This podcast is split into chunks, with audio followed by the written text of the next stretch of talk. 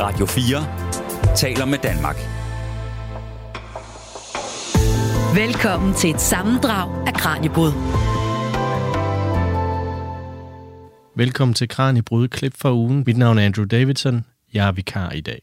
Vi skriver 1. januar, medmindre du selvfølgelig hører det som podcast, så det kan være, at du sidder og har lidt ondt i håret i dag.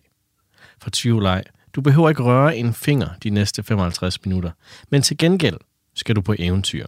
Min kollega Emma Elisabeth Holtet har i ugens løb sat sig for at finde ud af, hvad det egentlig betyder at være en eventyr, der tager på vaskeægte eventyr. Og vi starter som med alle gode eventyr ved begyndelsen. I første program i serien, Eventyrets DNA 1, derfor har vi brug for det ukendte, fortæller antropolog Henrik Venegård Mikkelsen om, hvorfor vi mennesker tiltrækkes af eventyret. Altså jeg tror godt, man kan sige med en vis sikkerhed, at, øh, at eventyrlysten den er vanvittigt vigtig, hvis vi ønsker at forstå, hvad, hvad mennesket er som, som art. Altså man kan sige, at og sådan helt centralt i, øh, i eventyrlysten, der er det her sådan drift mod at presse os selv mod nye erfaringer og erkendelser og oplevelser. Og det, øh, altså, det, har, det har været en central del af menneskets verden igennem, øh, igennem i hvert fald 100.000 år. Øhm, og det er jo, og det er jo en, måske interessant og sådan lidt paradoxalt at sige det, ikke? fordi at øh, hvis man tænker på, øh, altså hvis man går så langt tilbage som 100.000 år, der er vi jo altså, tilbage i, i stenalderen, mm. og der ved vi jo alle sammen, at det var en, at det var en tid, som var, øh, som var farlig og hård, og hvor man kæmpede for sin overlevelse, og til hver en tid kunne blive spist af en, øh, af en sabeltiger eller, mm. eller noget andet. Øhm, og så kan man sige, at den der eventyrlyst, den er jo, den er jo fascinerende, fordi den ikke sådan strengt taget er nødvendig for din og min øh, overlevelse. Mm. Og, og faktisk kan man endda sige, at den er farlig. Altså, der er jo mange eventyr i tidens løb, som, som aldrig er vendt tilbage, og det er også ligesom en del af, af eventyret, at det, sådan, det virker en lille smule irrationelt. Øh, øh, sådan, hvis, man, hvis man tænker sådan helt overlevelsesmæssigt og, og, og evolutionsmæssigt. Ikke? Mm. Øh, men, men altså selvom om, den, om eventyrlysten, den er, den er sådan helt central for det at være menneske, så skal man nok ikke læ- sådan låse sig alt for meget fast på, på forestillingerne sådan, om sådan nogle eventyr, som vi kender dem, altså Knud Rasmussen og ja. andre berømte eventyr. Altså det er jo ligesom, de er jo ligesom ekstreme udgaver af en drift, som ligger i os alle sammen. Altså, mm. Vi ønsker også at møde det fremmede og, og rejse verden rundt hver sommer, og, og selvom det, det oftest ender med, at vi tilbringer sådan eventyret i en strandstol eller et eller andet. men, altså, men, det, men det er sådan noget, vi har med os helt fra, fra starten af, det der øh, øh lysten til at udforske, hvad, mm. hvad der ligger om bag den næste, den næste mm. bjergryg. Og så kommer det jo så til udtryk på, på meget, meget forskellige måder. Ikke? Og hvad, altså, hvordan ved vi, at vores forfædre, øh, stenalderen og tidligere, altså, at de har været eventyrlysten og ikke bare gjort, hvad de skulle for at overleve? Jamen, det, altså det, det interessante er jo, synes jeg, at, at den der eventyrlyst, den finder man hos, øh, hos alle øh, intelligente dyr. Mm. Altså, øh, både fra, øh, øh, fra chimpanser til, til kraver og, mm. og, og, og, og mange andre dyr. Altså der, der ser man, at den der øh, lysten til at udforske og lege, øh, den, er, altså, den, den, den rejser simpelthen bare på, på tværs af, af dyrearter. Øh, og det, så det, det er altså noget, der ligger til, øh, til de her mere intelligente, til de mere intelligente dyr. Mm. Men samtidig så kan man jo se, at for 100 år, 100.000 øh, år siden, der skete der et, øh, et skifte i, øh, hos, hos, hos vores forfædre, altså hos homo sapiens. Ikke? Øhm, fordi at der, altså, hvis vi, hvis vi virkelig går, går, går langt tilbage, der skal man, øh, altså man skal prøve at forestille os, at den måde, som vi har spredt os på igennem historien, det, det er jo foregået på vidt forskellige måder. Øh, Altså vores, øh, vores forfædre, de har deres oprindelse i Afrika, mm. og der spredte de sig over hele kloden.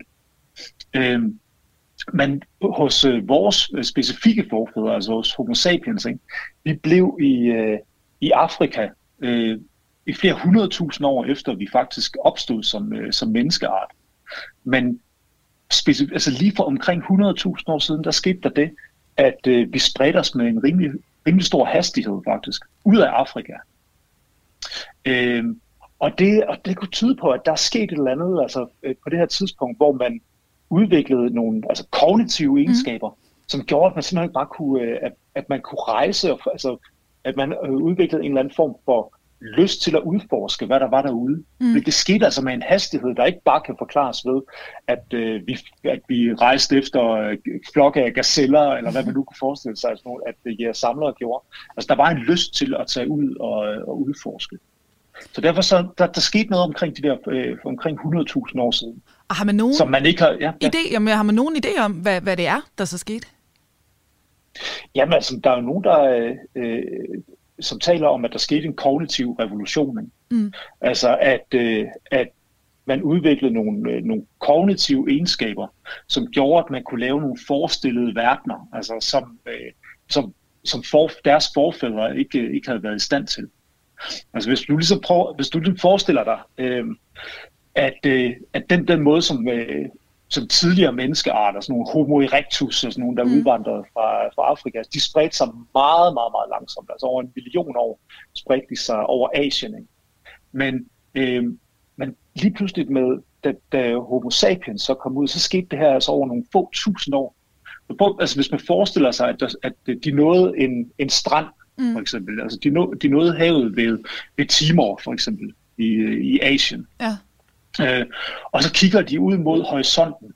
Altså de står ved, ved, ved havet her, og der, der skete der noget ved de her mennesker, som man aldrig før havde set i verdenshistorien. Altså de kigger ud mod horisonten, og så de ved ikke, øh, at der ligger et... Øh, at der ligger et, øh, at der ligger land derude, mm. men de kan måske se, at der er en øh, røgsøjle, der stiger op. Så kan de sige, at der er, okay, hvis der er røg, så er der andet end hav. Mm. Øh, og øh, hvis der er røg, så er der noget, der kan brænde, og så er der noget, som, øh, som man kan rejse ud og udforske. Og der kunne man forestille sig, at de har, altså, at de har, øh, at de har, har udviklet historier om, hvad der kunne være derude. Øh, de har igennem generationer har de boet i det her område og, og talt om, hvad der kunne være der. Og så har de på et eller andet tidspunkt begivet sig ud på, på en ekspedition øh, i små fartøjer, og det bragte dem over til, øh, til det kontinent, som øh, på det tidspunkt bestod af Australien og Papua Ny Guinea. Men det her, men for at kunne tage det spring, det kræver, at du er i stand til at forestille dig, hvad der kunne være derude.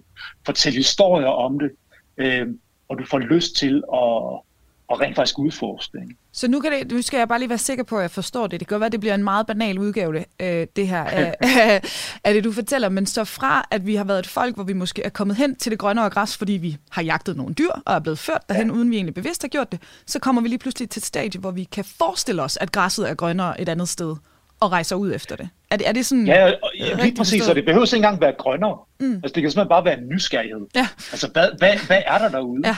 Altså, når jeg bliver nødt til at vide det. Øh, Ja, lige præcis. Ja. Når Knud Rasmussen øh, rejste, øh, rejste rundt i Arktis, så var det ikke fordi græsset var grønnere. Det var simpelthen bare, han var sindssygt nysgerrig efter at få indblik i en verden, mm. som, øh, som man på det tidspunkt ikke forstod. Ja, så det behøver ikke at være så, for et gain. Det kan også bare være for, det det for at opleve det. Og Lige nu, præcis, nu ja. kommer vi ind på noget, fordi du, nu siger du det her, det synes jeg, det er jo egentlig en rigtig god måde at komme ind på den her med, med definitionen af et eventyr. Du nævnte også leg tidligere. Øh, hvis vi sådan skal blive lidt mere konkrete, altså hvordan ser du som antropolog på, hvad der så udgør, at noget er et, et eventyr, og netop ikke bare en rejse eller en, en nødvendighed eller noget andet? Ja, altså det, det interessante er jo nok lidt, øh, altså der, der ligger et paradoks i antropologien, altså antropologer, som mange vil, vil vide, er jo dem, der rejser ud i verden, netop for at finde eventyret, altså mm. for at forstå mm-hmm. det, for at forstå det fremmede, og ikke nødvendigvis for, at, fordi at græsset er grønnere derude, men simpelthen bare for, for nysgerrighedens skyld. Ikke? Mm. Øhm, men samtidig så er der noget i antropologiens væsen, der lidt strider imod det at tale om eventyret. Og det skyldes jo, at antropologer de vil gerne forstå og ligesom kortlægge samfund, som de normalt ser ud. Altså om det så er en landsby i Afrika eller en virksomhed i Herning, ja. så, så ønsker vi at lave sådan en dybdegående beskrivelse af hverdagen. Ja. Øhm, og som en eller anden, eller sådan, sådan en normal tilstand. Ikke? Mm. Og der kan man sige, at øh, eventyr, som vi oplever, det står lidt i kontrast til det normale. Altså eventyret, det er ligesom, når man, hvad skal man sige, altså, når, man, når man bryder ud af hverdagen, ud fra sådan en øh, lyst til at gøre verden større. Ikke? Mm. Øhm, øh, så der er ikke, altså der er ikke en antropologisk definition på, øh, så, så du har nogle, øh, du har en fantasi om et eller andet, og så vil man altså gerne have, at det at på et eller andet tidspunkt, at der kommer noget virkelighed på det. Ikke? Mm, mm. Og det. Og det sjove det er, at det forstår børn rigtig godt. Ja. Øh, fordi at de, de ønsker også at undersøge ting. Altså, de går også rundt og, og, øh, og kigger på noget, men på den tidspunkt, så vil de gerne holde det i hånden også. Ja. Ikke?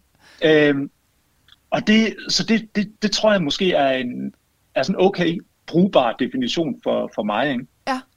Øh, fordi at, altså, når man har kigget længe nok ud i vildmarken, altså drømt om, hvad der kunne finde derude, øh, hvad man kan finde derude, eller når, når vores forfædre, de har kigget ud over havet og så sådan en røgsøjle søjle derude, og de har fortalt historier om det osv., så, så vil man på et tidspunkt gerne opleve det. Mm. Øh, og ikke mindst måske vende tilbage med historien om, hvad man har oplevet, som Ja. jo også er en væsentlig del af eventyret. Ja.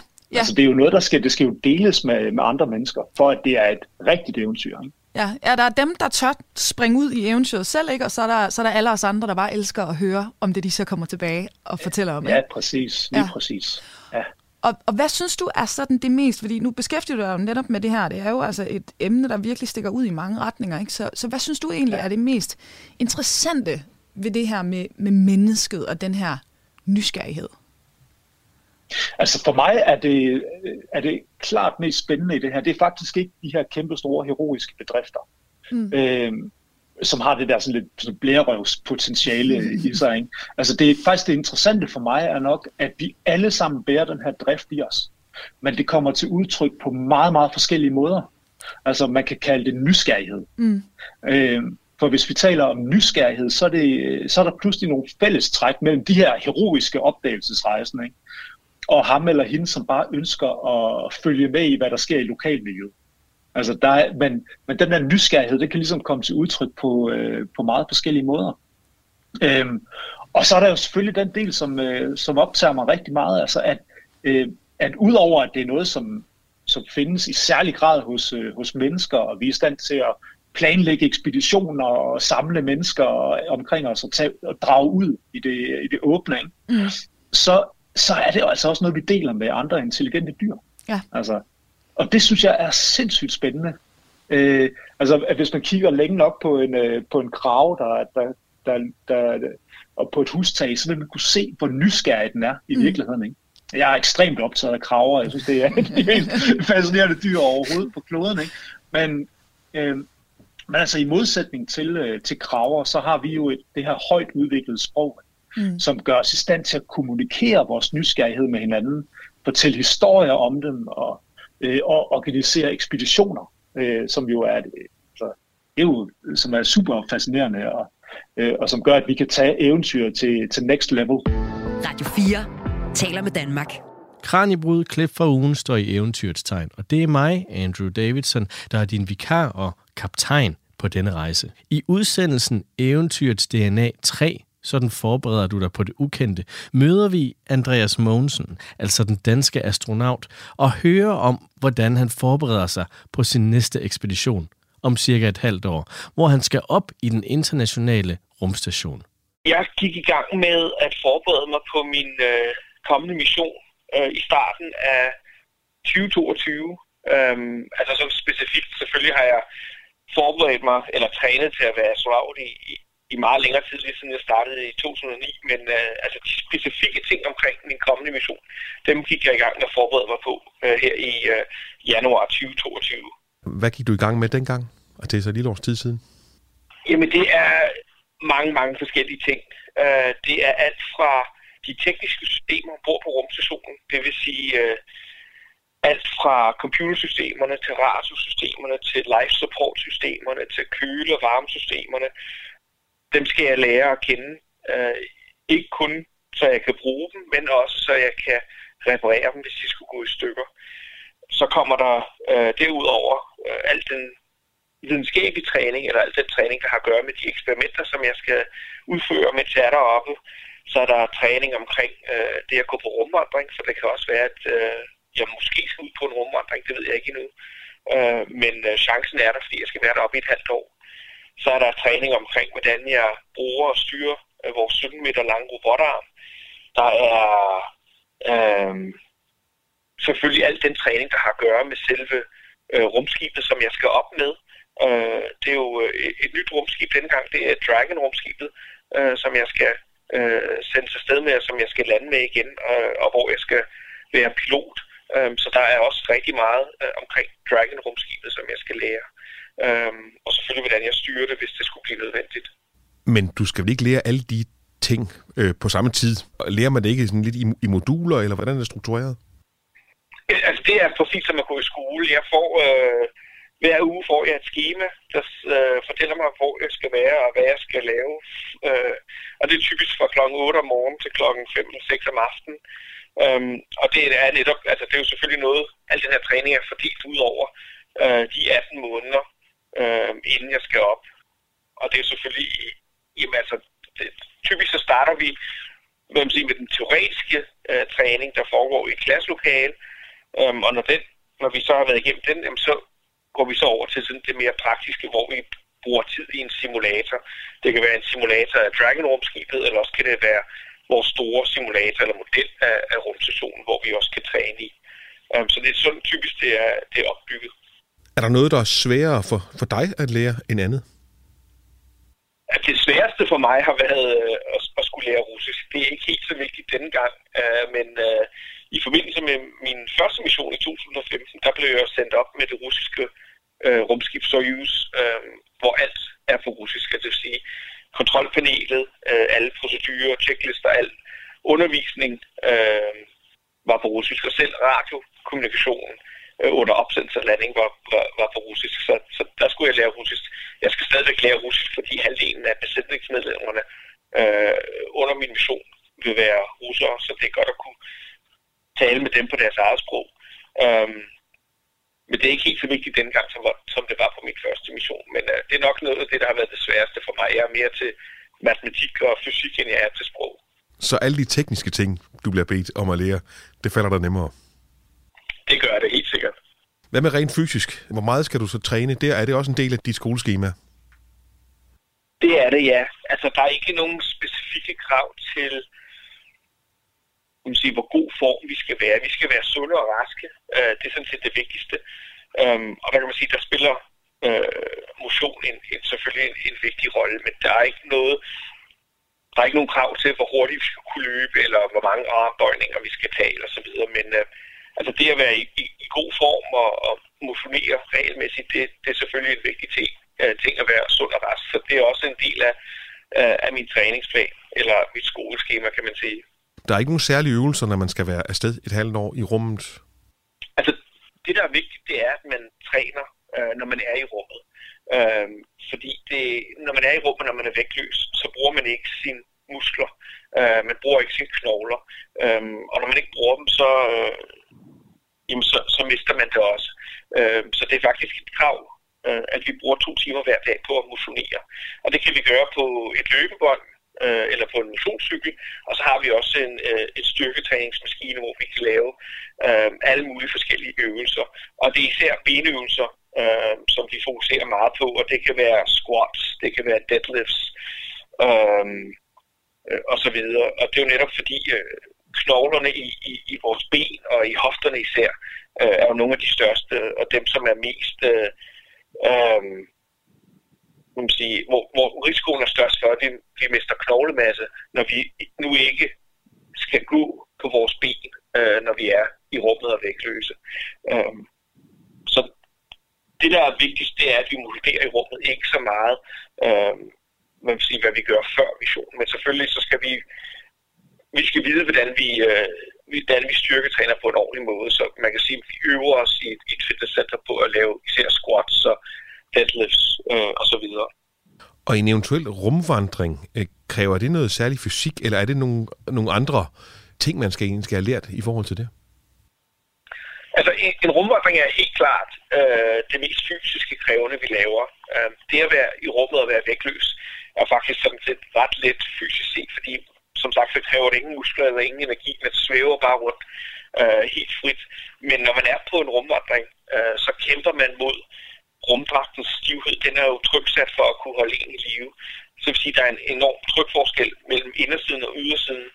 Øh, og det gør, at den er enormt stiv, og især handskerne, øh, dem skal vi virkelig, altså vi skal virkelig bruge kræfter på at, at, at kunne gribe fat i værktøjet, øh, som vi bruger. Øh, så det er en af de mest krævende ting, vi laver fysisk, og derfor så er det også en god idé øhm, at bruge tid i, i et fitnesscenter og, og, og have en, en vis øh, styrke, især i hænderne og armene. Hvordan forbereder du dig på, at du skal helt derude, hvor vi andre egentlig kun kan, ja, kan se op og, og, og drømme om? Altså at det der med, at du skal et helt andet sted hen, end, end livet egentlig er skabt til at være? Ja, det er jo et godt spørgsmål. Altså, meget af det kommer jo gennem øh, de år, jeg har arbejdet som astronaut, og al den træning, øh, jeg har været igennem. Altså, det er jo det er noget, jeg har ventet på på en rigtig lang tid, så man kan sige, at, at øh, jeg ved ikke, om der er noget sådan specifikt. Men det er ikke en del af pensum, at I skal tale med, med psykologer og så videre om altså et halvt år væk fra jorden? Altså det vi, jo vi har samtaler med psykologer, men det er mere for at øh, ligesom lære dem at kende, inden vi tager afsted. Fordi når, når vi er i rummet øh, og er ombord på rumstationen, så har vi mulighed for at tale med øh, en psykolog, hvis vi har brug for det. Altså, man kan jo ikke udelukke, at der kommer til at ske noget i løbet af, af seks måneder. Øhm, det kan være en konflikt, der bor på rumstationen med, med ens kollegaer, men det kan også være, at der sker noget på, på, på jorden øh, med ens familie eller venner, som man har brug for at, at tale med en psykolog om. Um, så det er, er mest af alt for at, ligesom lige at, at lære de psykologer øh, at kende, som man kommer, som man måske kommer til at tale med øh, fra rummet. Men ikke som decideret mental træning, det er mere øh, for at lære dem at, at kende og måske opbygge en eller anden form for, for tillidsforhold til dem. Ja, altså når det kommer til at, at ligesom at, at forbedre vores performance i rummet, så, så har vi forskellige øh, kurser inden for det, vi kalder Human Behavior and Performance, altså øh, at forstå, hvordan vi vi selv er som mennesker, øh, hvordan vi reagerer på stress for eksempel, øh, hvad vores personlighedstype er, hvordan vi øh, bedst samarbejder med andre, og hvordan andre øh, personlighedstyper øh, kommunikerer og samarbejder, øh, og hvordan man undgår konflikter. Øh, fordi det handler jo om at, om at øh, opretholde et, et meget højt niveau, så vi arbejder så effektivt som muligt over øh, de seks måneder, vi skal være afsted. Så, så der kommer, øh, altså der er også træning øh, inden for det, øh, men der handler det mest af alt om, om at, øh, at forbedre samarbejdet. Altså hvordan arbejder du mest effektivt sammen øh, som det hold, man, man er afsted sammen med. Og der er uro på jorden med øh, forskellige lande, der er enten i krig eller uvenner osv. Er det, er det også noget, I på en eller anden måde skal have skubbet af vejen? Jamen, altså, vi plejer at sige, at når vi tager i rummet, så efterlader vi vores nationalitet her på jorden, for vi tager afsted som mennesker, øh, og vi tager afsted som repræsentanter for alle mennesker øh, på hele jorden. Fordi det, vi laver i rummet, det er, vi forsøger at øh, hvad man sige, udvide vores fælles horisont, øh, opbygge fælles viden, øh, løse øh, problemer, som vi alle sammen øh, sige, står overfor. Øh, så derfor så tager vi ikke afsted som danskere, amerikanere eller russer, vi tager afsted som mennesker fra jorden. Øh, og så derfor så forsøger vi også at efterlade sige, de politiske spændinger, der er på, på jorden, det forsøger vi at efterlade på jorden. Der er lidt over et halvt år, til du skal afsted. Hvad kommer det til at ske i det næste ja, 7, 8, 9 måneder? Jamen, øh, jo mere det samme kan man sige. Øh, træningen fortsætter øh, måske på et øh, lidt mere intens niveau, end, øh, end det har gjort her de sidste år, hvis det overhovedet er muligt. Men øh, der kommer især fokus på øh, opsendelsen på Dragon-rumskibet, og så også en masse fokus på de specifikke opgaver, jeg skal løse jeg er afsted. Altså jo, jo nærmere vi kommer på opsendelsesdatoen, øh, desto mere præcist ved vi, øh, hvilke opgaver jeg kommer til at, øh, at skulle løse. Øh, så derfor så vil de sidste par måneder også være meget fokuseret på, på de videnskabelige forsøg og de teknologi, sige, teknologiudviklingsprojekter, som jeg skal arbejde med. Sådan en rejse, som du så skal på til august 2023, er det en rejse mod det ukendte, eller er der så meget, så meget styr på alting, så stort set ingenting er ukendt? Det er jo øh, helt sikkert øh, en rejse øh, på vej mod det ukendte. Altså forstået på den måde, at forskning øh, er jo netop en måde, vi forsøger at forstå øh, verden, øh, som vi er en del af. Altså forskning handler jo også om at udforske verden. Det er måske ikke en fysisk rejse, men det er øh, at blive klogere på den verden, øh, på den ukendte verden, øh, eller i hvert fald at svare på nogle af de spørgsmål, som vi ikke har svar på endnu. Øh, men derudover så er øh, missionen jo også en, en, en, en fysisk rejse ud i det ukendte. Altså det, vi laver ombord på vores mission, det er også at øh, forberede os på at tage tilbage til månen og rejse videre til Mars. Øh, og nu her, øh, her i øh, her for nylig, der landede jo øh, Artemis 1-missionen øh, tilbage på jorden efter 25 dage øh, i, i, i, rummet og i kredsløb om månen. Øh, og vi vil inden for de næste to år se den første bemandede testflyvning tilbage til månen, og så måske i løbet af 2025-2026 se de første mennesker lande på månen igen. Det er første gang siden 1972. Øhm, og meget af det, vi laver og bor på rumstationen, det handler jo netop om at øh, få den viden, udvikle den teknologi, som skal gøre det øh, muligt for os ikke kun at besøge månen, men altså etablere en base, øh, tilbringe længere tid, end vi nogensinde har gjort før, og så forhåbentlig en dag i fremtiden rejse videre til Mars. Så din rejse er et, et skridt mod det endnu mere ukendte, kan man sige? Det er det helt sikkert. Uh, rumstationen er et uh, helt utroligt godt sted uh, at forberede os på, uh, eller i hvert fald at lære, hvad der skal til, for at vi kan drage længere ud uh, i rummet. Radio 4 taler med Danmark. Du lytter til Kranjebrud klip fra ugen. Mit navn er Andrew Davidson. Jeg er vikar og vi er fortsat på en eventyrlig rejse med Emma Elisabeth Holtet. I fjerde udsendelsen i serien, der hedder Eventyrets DNA 4, når dit arbejde bliver et eventyr, skal vi høre fra lektor i videnskabsstudier, Christian Wittfeldt Nielsen. I klippet taler Christian om de forskningsekspeditioner, vi danskere typisk er taget sted på. Vi hører først om 1700-tallets tidligste forskningsekspeditioner, og senere om blandt andet den første Galatea-ekspedition til havs og endelig de berømte Grønlandsekspeditioner med hundeslæder. Efterfølgende snupper vi lige en bid mere fra fjerde udsendelse, hvor antropolog Henrik Venegård Mikkelsen forklarer, hvorfor vi mennesker søger lidt mere eventyr ind i arbejdsdagen. Og nu har jeg fået besøg her i studiet af Christian Wittfeldt Nielsen, der er lektor ved Center for Videnskabsstudier på Aarhus Universitet. Og øhm, Christian, nogle af dem, der gennem Danmarks historien har været så heldige at komme på eventyr med deres arbejde, det er jo forskerne. Og det her, det har du specialiseret dig i. Blandt andet så er du altså en af forfatterne bag det, jeg ja, mildst talt ret omfattende værk, der hedder Dansk Ekspeditionshistorie.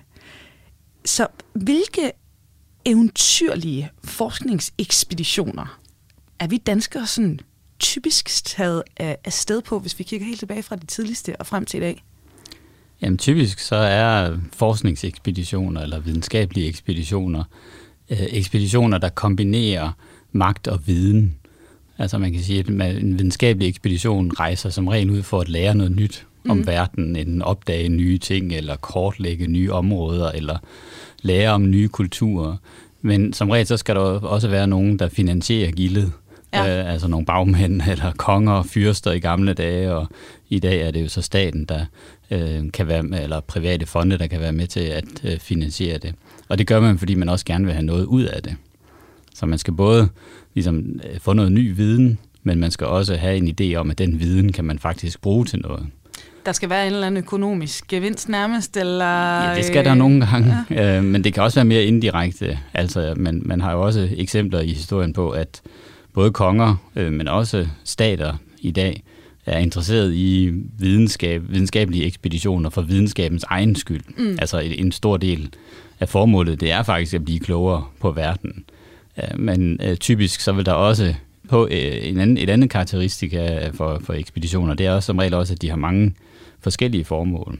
Altså, når vi, vi hører om ekspeditioner, så hører vi gerne, at det er sådan, de, de går én ting, eller de opdagede mm. det og det. Men på, også på videnskabelige ekspeditioner er der som regel andre formål med. Det kan enten være, øh, kan man sige, at skaffe omtale, altså omtale af de mæscener og øh, virksomheder og, og fonde, der står bag. Øh, det kan også være et formål om at skabe nye handelsrelationer, eller sådan, måske endda ligefrem i, i, i tidligere tider, altså kolonisere områder. Mm. Øhm, så, så det er en anden, et andet, kan man, et andet kendetegn, det er det her med, at, at ekspeditioner sjældent er, er fuldstændig entydigt videnskabelige eller ikke videnskabelige, men at der er blandede formål med i forskellige grader. Og kan vi komme med et konkret eksempel på en af de tidligste? Er der, er der noget, der stikker ud der? Ja, altså øhm, de tidligste ekspeditioner, vi skriver om i det trebindsværk, du nævner, øh, de er fra 1700-tallet i begyndelsen af 1700-tallet, øh, og, og det er jo en periode, som vi kalder i kongens og oplysningens tjeneste. Mm. Og igen det der kongens og oplysningen illustrerer igen det dobbelte formål, der er med forskningsekspeditioner. Øh, fordi det var ekspeditioner, der blev sendt afsted, fordi øh, at man gerne ville vide mere. Man var, man var nysgerrig. Man var virkelig i den her øh, i 1700-tallet blevet nysgerrig på verden, og der var sådan en oplysningsidé om, at vi gennem viden og, og oplysning jo ville på en måde bemægtige os øh, verden og, mm.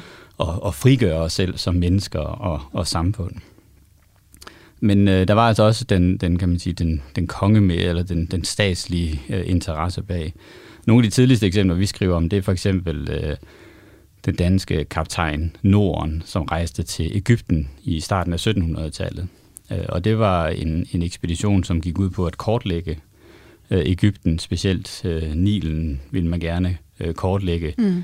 Øh, men jo også med det formål at tænke over, hvad, hvad er der af handelsinteresser i, i det her område for den danske øh, kongemagt. Så Nordens øh, ekspedition var altså sådan et klassisk eksempel på den her dobbelte øh, det her dobbelte formål, jeg, jeg snakker om. Det måske mest kendte ekspedition fra 1700-tallet, det er den, der hedder Den Arabiske Rejse, hvor Carsten Niebuhr kom tilbage som den eneste overlevende. Ja. Øh, der var ellers, nu kan jeg ikke huske, jeg tror det er en 6-7 øh, ekspeditionsdeltagere, som var med på, på rejsen, da man satte ud. Øh, og det var meget dramatisk, og øh, som de fleste af dem øh, omkom. Men det var også en rejse igen, hvor der var et ønske om, at øh, man ville rejse til det, man dengang tænkte om som det lykkelige Arabien, og udforske det mysterium, det var, altså hvordan, hvordan lever folk egentlig i det her område, og hvad er der af muligheder også for at etablere øh, forskellige typer af relationer, blandt andet handelsrelationer med, mm. med øh, folk i de her lande. Men det var også en ren forskningsekspedition, som gik ud på at afklare nogle ting øh, omkring, hvad der står i Bibelen.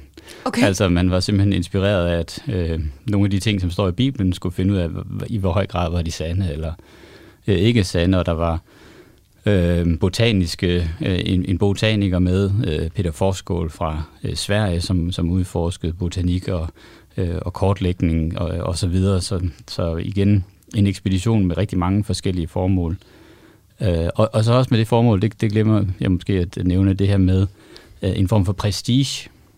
Altså, ja. det, det knytter sig virkelig meget til sådan, at, øh, man skulle, at ekspeditionen skulle have omtale, både mens den var afsted, men især når den kom hjem, så skulle der ligesom være et, et pragt, pragtværk mm. eller noget, der, der kunne give den omtale. Fordi øh, kongermagter på det her tidspunkt, eller konger, kongehuse på det her tidspunkt, var interesseret i den der ind, altså sådan indbyrdes prestigekamp om, hvem der nu ligesom var det fornemmeste og mægtigste kongehus, og en måde at vise at man havde magt. Det var jo blandt andet, og at man interesserede sig for oplysning og kultur mm. og videnskabens fremme. Det var jo netop at udruste mm.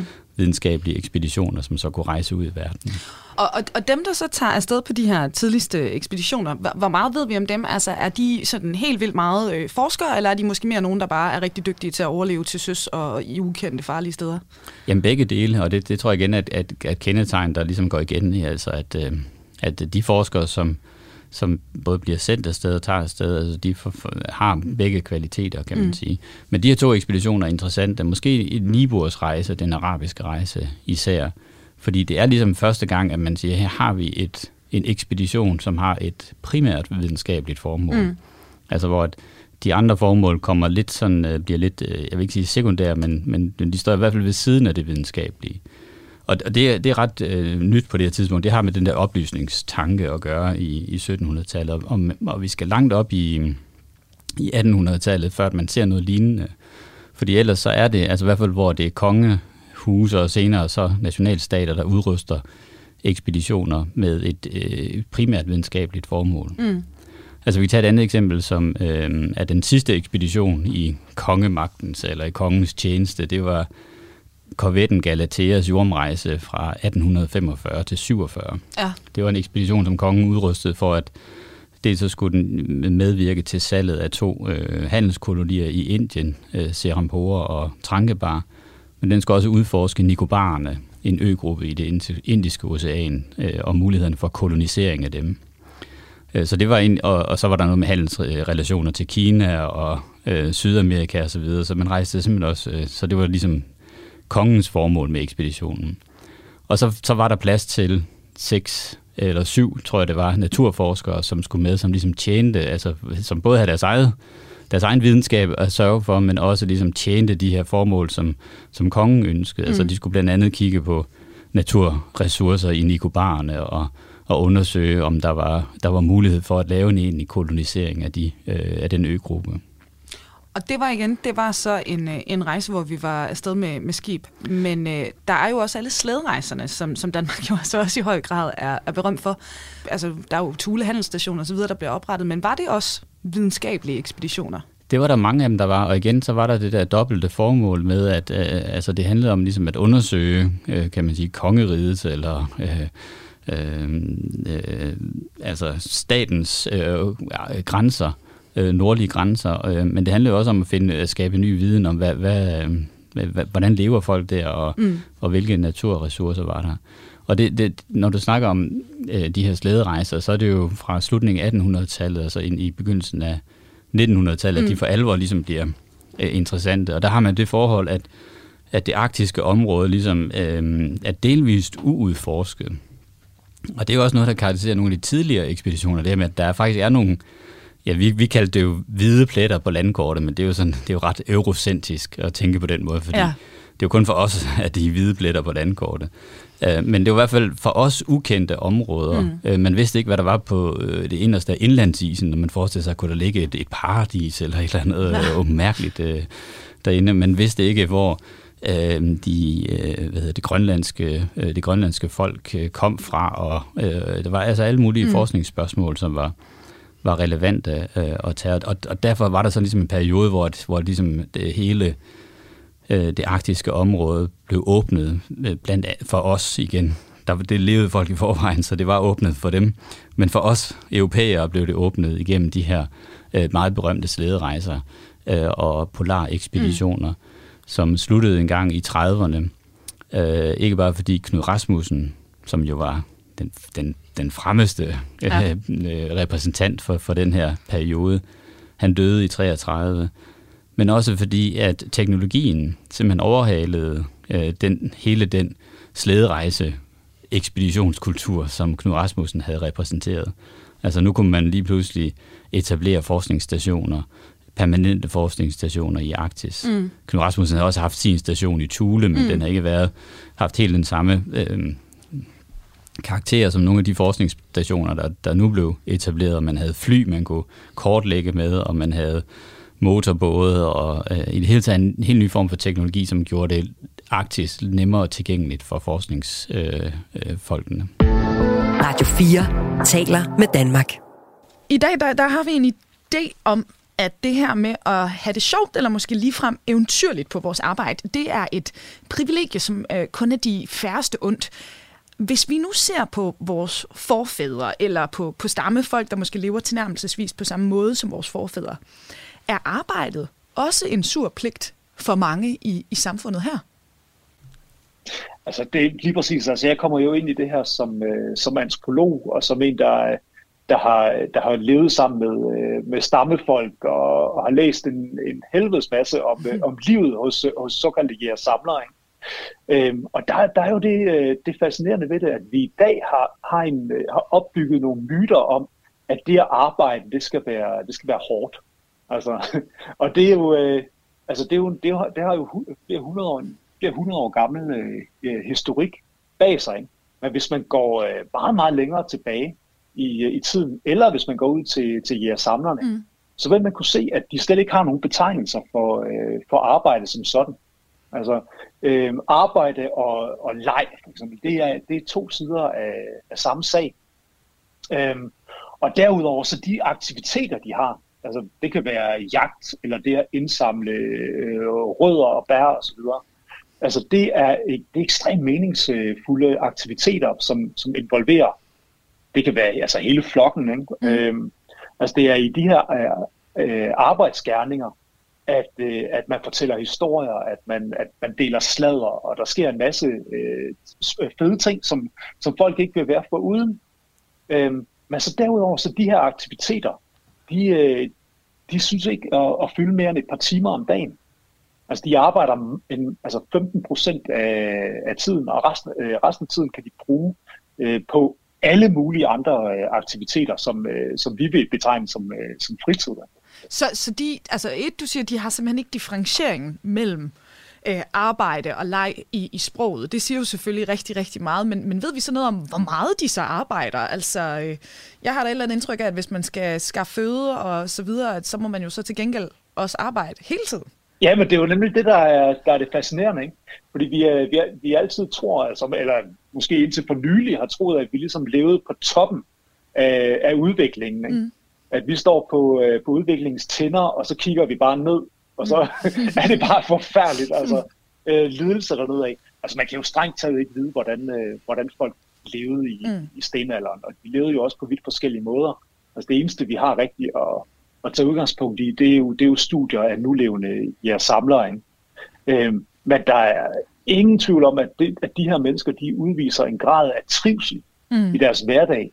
Øh, altså meningsfuldhed, øh, øh, forbindelse til andre mennesker, som vi, øh, som vi kun kunne drømme om. Øh, og som vi måske også savner, og som man i stigende grad begynder at efterspørge. Altså, der er jo ikke nogen tvivl om, at vi lever i en brydningstid, hvor, hvor, der, hvor vi begynder at stille krav til, øh, til vores arbejde på en måde, som man måske ikke har gjort øh, i, i senere år. Så det er meningen med sit arbejde, der kan mangle. Og det er altså det, der er drivkraften, når vi også ser folk i dag, der siger jobbet op og rejser ud i en campervan eller et eller andet og siger, nu skal jeg bare have et, et eventyr. Ja, altså jeg tror, at, det, at mange af dem reagerer på en, en oplevelse af, at, øh, at der er nogle idealer for karrieren, som ligesom har fået overtaget. Mm. Altså at de bliver trukket rundt af, af, af, deres, af deres job, og har ikke rigtig nogen, øh, nogen kontrol over det. Øhm, og kan derudover ikke rigtig se noget mening i, øh, i det, de, det, de går rundt og producerer i hverdagen. Øh, så det der med at flytte i en campervan, og lad os lige altså, altså, være ærlige, altså, det er jo ikke, altså, det er jo ikke en, det er jo ikke en folkebevægelse, vel? Nej. Øhm, men det er, en, det er en fantasi og noget, som mange drømmer om. Mm. Altså, og det er, altså, det er jo en, det er jo en modbevægelse, kan man mm. sige. Øhm, men det er stadigvæk noget, som er, altså, som mest af alt er en, er en drøm, som, som folk har. Vi snakkede i, i mandagens program om det her med, hvad der var definitionen på en eventyr, og du sagde, at det var øh, det her med at fylde fantasien ud med virkelighed. Så, så de her mennesker, der faktisk har mod til at springe ud og sige, nu øh, vil jeg have, at mit arbejde bliver et eventyr, for eksempel. At tage ud i den der campervan og bor i et halvt år eller et eller andet.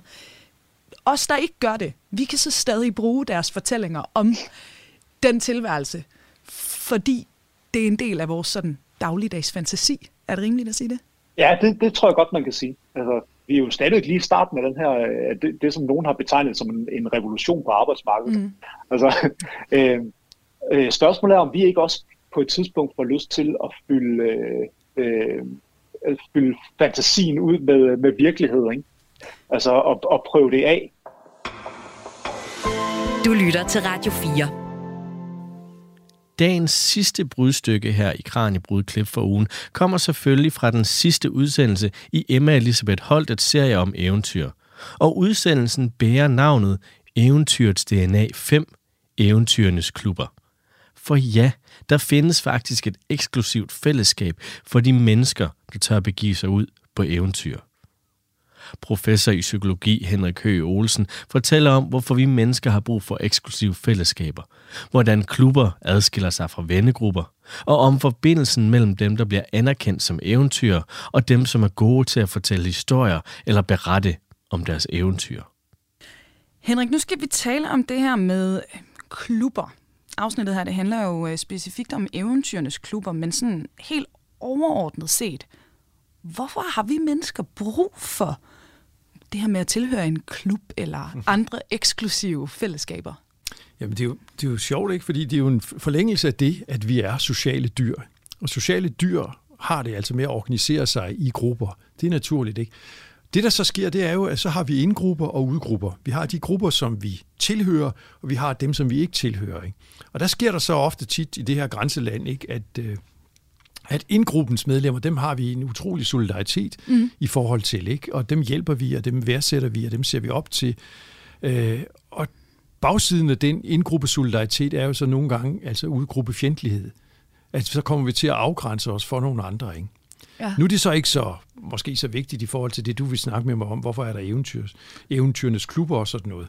Men det er jo fordi, at udover at vi er de der sociale gruppelevende dyr, så er vi jo også hierarkiske væsener. Ja. Det vil sige, Altså, vi øh, profilerer os i forhold til hinanden i kraft af, at vi har forskellig status. Den status får vi på baggrund af, hvad vi magter og hvad vi formår. Øh, det er både, hvad vi formår styrkemæssigt, men det er også, hvad vi formår prestigemæssigt. Ikke? Om folk ligesom anerkender det, vi gør og det, vi kan, ikke? og folk har respekt for os. Ikke? Mm. Og for ligesom at, at, at, at, at have en, hvad skal man sige, tage et par trin op af karrierestigen, ikke? op af statusstigen og få de andres respekt, ikke? så skal man jo kunne kvalificere sig til at blive medlem af nogle klubber. Ja. Ligesom du, du kan ikke få et vildt som helst credit card bare på, på face value. Ikke? Altså, nogle credit card kræver altså, at der er noget i banken. Ikke? Og der er også nogle klubber, der kræver, at du har noget i erfaringsbanken. Mm. Altså, hvis du vil være med her, altså, så skal du have været udsat for de her ting, ikke? og prøvet noget af det her, fordi så er du på linje med os. Mm. Og det kan samtidig så være, du kan sige, noget af det, der gør, at man så opper sig og, og, og stiller sig på tæerne, ikke? fordi man vil gerne en del, være en del af det her broderskab. Ikke? Men så må man altså gennemføre nogle overgangsriter ikke? for at blive optaget i den her klub. Er det sådan lidt banalt sagt, er det de samme dynamikker, der er på spil, når vi danner vennegrupper? Altså, øh, er, det, er det også det her øh, grundlæggende ja. behov for at tilhøre et fællesskab, eller er det noget ekstra, når altså, det kommer til sådan... Det er noget ekstra, ja. men du kan sige, altså selvfølgelig er det også en slags vennegruppe, ikke? fordi det er jo i hvert fald en gruppe af mennesker, som jeg føler mig beslægtet med, og som jeg gerne vil ligne. Mm. Det er måske endda mere en idealgruppe, når jeg står udenfor. Ikke? Altså, jeg vil gerne være en af dem, og så ja. videre. Ikke? Hvor vennerne, det, der er vi jo ligesom på, på godt og ondt, ikke? og vi er også venner, selvom om vi ikke lever op nødvendigvis altid ikke til en, en hel masse ting, der ikke så har vi så har vi øh, venskabets overbærenhed med hinanden, ikke? og vi har måske også venskabets omsorg for hinanden. Så, så visse vennegrupper kræver jo sådan set ikke, at du gør noget særligt. Der er du bare blevet min ven igennem historien, fordi jeg er vokset op sammen med dig. Ja, så bliver jeg nødt til lige, selvom jeg sidder og ser fjernsyn nu her og hygger mig, og lytte til, når du ringer på det her tidspunkt, ikke? og har de her problemer, ikke? fordi du er jo en ven. Ja. Så der kan, du, der kan du nogle gange også til dig tosset og dårlig, og under øh, øh, altså under, underpræstere, så at sige, og alligevel få lov til at være en del af det. Så, så der, der, er vi, altså, der hænger vi sammen på nogle mere øh, socialt øh, hvad skal man sige, knyttede bånd. Ikke? Altså, der, der behøver vi ikke hele tiden at skulle være kompetente. Ikke? Men så er der de der særlige grupper, de forkromede grupper, mm. hvor, hvor vi forventer noget af os selv og af hinanden der. Ikke? Og, og, og det er jo mere den her slags eventyrenes klub. Ikke? Det er jo ja. mere eksklusiv en gruppe. Ikke? Altså nu, i mandagens program, der talte vi om, om eventyrets DNA, men også hvordan eventyret jo ligesom er indlejret i nogle menneskers DNA mere end andres. Mm-hmm. Altså, der er de her netop de her eventyrløsende, sådan lidt mere grænsesøgende typer. Øh, det, det er bare en vis procent altid ja. af, af et samfund, ikke? Jeg har øh, øh, sådan igennem de her samtaler med forskellige eventyr også fået indtrykket af, altså det her med at være eventyr selvfølgelig, det kræver at komme ud og lave nogle, øh, nogle spændende ting og møde nogle mennesker, søge nogle grænser. Men det handler faktisk også om at være i stand til at fortælle historien og ja. engagere mennesker, når man kommer hjem. Det er måske i virkeligheden kernen i det, langt ja. hen ad vejen. Ja. Kan vi sige noget om, hvad det er for nogle personer, der så evner at gøre det? For det er vel ikke nødvendigvis alle eventyr, der nej. så er, er gode nej, historiefortællere, ikke? Altså. Nej, det er det bestemt ikke, og det er heller ikke alle eventyr, som kan finde ud af at, at, at søge klubben. Mm. Fordi de er måske så specialiserede, og de er måske så nørdede, og de er måske så indadvendte, at, at, at, at, at de andre har ikke øh, på den måde den samme tiltrækning, som hvad de ellers ville have. Ikke? Så du kan sige, dem, som søger eventyrenes klub, er måske også de eventyr, ikke, som har barnets glæde ved den gode fortælling. Ja. Altså Peter for andre, ikke? Altså at være i selskab Fantastisk historie. Og være i selskab med ham, ikke? Også, ja. ikke? Fordi ikke, ikke nok med, at han oplever de utroligste ting, ikke? Og er en, en, altså en, en, en virkelig mand i den der gammeldags forstand af, af begrebet, ikke? men han er jo en, en fandens god historiefortæller, ikke? Mm. Og den, der ikke kan gøre en god historie bedre, skulle næsten ikke engang fortælle den vel. Nej. Så det har også noget med, du ved, at du har det der narrative talent, ikke, hvor du kan lægge det til rette, og hvor du med selvironi ligesom kan servere den her begivenhed, så det bliver eventyrligt, ikke? Ja. Og nogle gange må man gerne lægge lidt til. Det tror jeg, han Ja. gjorde ret meget. Det tror jeg også, ikke? Og, og, og som sagt, ikke? Altså, hvorfor, hvorfor dog ikke gøre Ja. en god... Hvis ikke man gør en god historie bedre, ikke, så er der sgu Ja, ja, ingen grund til at fortælle den, vel? Nej, Ej, det kan jeg så faktisk sige til lytterne. Hvis I aldrig har læst nogen af, af Peter Freugens øh, fortællinger, også mm. blandt andet jo selvfølgelig fra, fra Grønland, så gør det. De er intet mindre end fantastiske. De er fantastiske, Det er nogle ja. af mine yndlingsbøger. Og i forhold til det her, nu, nu har vi jo så netop snakket om det her med, at det her med at være eventyr, det er jo det er noget andet, måske, Mhm. mm-hmm. end de fleste andre i, i samfundet. Jeg har ikke kunnet lade være med at, at tænke på igennem den her uge, det her med, min, øh, min farfar for eksempel, han var med i modstandsbevægelsen. Ja. Der havde man jo også, også nogle unge mænd, der kom hjem, efter de havde, han var til fange i, i Tyskland, ikke? Og, og kom hjem, eller, eller slået af undskyld, frøslevlejren og kom hjem. Ja. Øhm, og der boede han på et kollegie, der var lavet specifikt til folk, der havde været i modstandskamp, for at give dem nogle, nogle fælles øh, bekendtskaber. maj-kollegiet. 4. maj-kollegiet. Fjerde- fjerde maj, 4. maj-kollegiet. Yes, yes, der boede han i Horsens. Det var også der, han Ja. ja. mødte min, øh, min farmor. Og det her med, som jeg har forstået på ham, det vigtigste, det var det her med at møde nogle ligesindede. Mhm. Mm. Han kunne sætte sig ned, og han behøvede ikke at forklare, hvordan han havde det, Ja. hvordan det var at blive presset ud i de situationer, han har været ude i. Jeg tænker, der er lidt hen ad vejen sådan noget som eventyrsklubber, ikke? Altså, det må Mhm. vel være lidt samme dynamik, at man møder nogen. Det her, det er mine... Ja, soulmates Ja. er jo lidt Ja, forkert ja. at sige, ikke? Men, men de ved sgu, hvad, hvad, Ja. hvad der er på spil for mig. Det er måske endda meget præcist, ikke? Det her er på, på nogle måder mine ligemænd, ikke? Mine peers, Ja. mine soulmates, altså fordi altså, de ved, hvad jeg snakker om, når jeg fortæller dem, at jeg har lyst til det her, ikke? Hvor måske en række andre, som jeg fortæller det til, bare ryster på hovedet og siger, du er da ikke rigtig klog, og vil Ja, bruge tid og penge på det her. Ikke?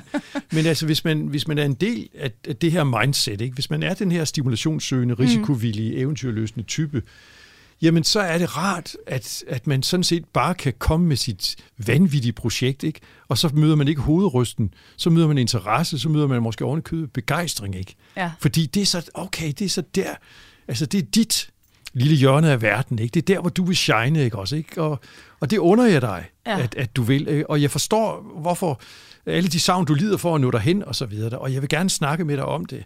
Men det er jo ikke alle steder, man finder den forståelse, eller den tålmodighed, ikke? Nej. Eller den, den insider know-how, ikke? Som gør, at vi sådan set bare kan behøve at sige det her, og så forstår andre, hvad, hvad man mener fuldstændig, ikke? Ja, og, og når vi så står og snakker om det her, så kan jeg jo heller ikke lade være med at, at tænke på, fordi det her det er jo altså en, en programserie, hvor vi har skulle øh, blandt andet jo altså ringe til, til klubberne, der er jo egentlig langt hen ad vejen er ret lukkede størrelser. Altså, de vil Ja. jo sådan set gerne bare have, vi lader dem være i fred, De og er lade jo dem have deres, ja, de vil jo gerne bare have deres fællesskab, men, men de bliver jo selvfølgelig nødt til sådan at øh, en gang imellem snakke med sådan nogen som mig fra, mm-hmm. fra, fra medierne, som ringer, ikke?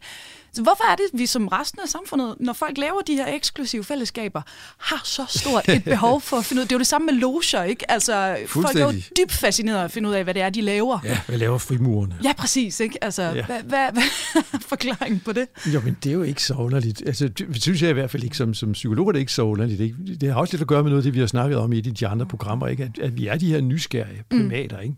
Så her er der en gruppe, der shiner ekstra meget, ikke? Ja. Som ovenikøbet har et navn, som altså, dufter af røgelse, ikke? Også, ikke? og Aladdins hule og, og, og 117 mærkelige ting, ikke? Altså, Ja. som vækker en, en, en pigebog og en drengebog til live, ikke? Også, ikke? om øh, hvordan det, det spændende liv ser ud. Ikke?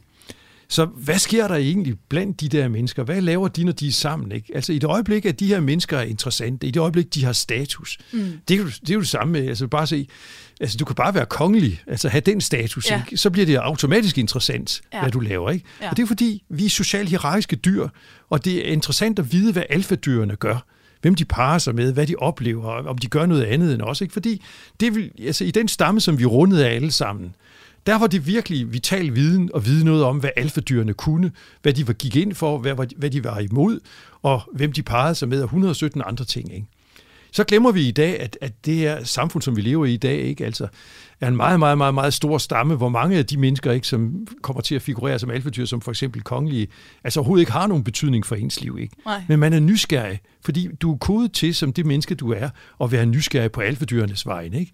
Og Eventyrenes Klub er en samling af alfadyr, ikke? Mm. som er, øh, så står en ganske særlig øh, skær af røgelse og, og, og eventyr omkring. Ikke? Og der er vi selvfølgelig nysgerrige. Hvad, hvad gør de så, når de er sammen og så videre? Ikke? Hvad, hvad sker der her? Ikke?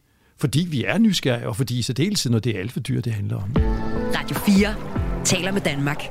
Det var alt for mig denne gang. Mit navn er Andrew Davidson. Du har lyttet til Kranjebrud, klip fra ugen. Og husk, at der er et kæmpe arkiv af Kranjebrud at gå på opdagelse i. Ja, måske endda tage på eventyr. Find dem på Radio 4's hjemmeside eller i deres app. Programmet her er produceret af Videnslyd for Radio 4. Kranjebrud er tilbage i morgen. Nu er der nyheder. Tak for denne gang.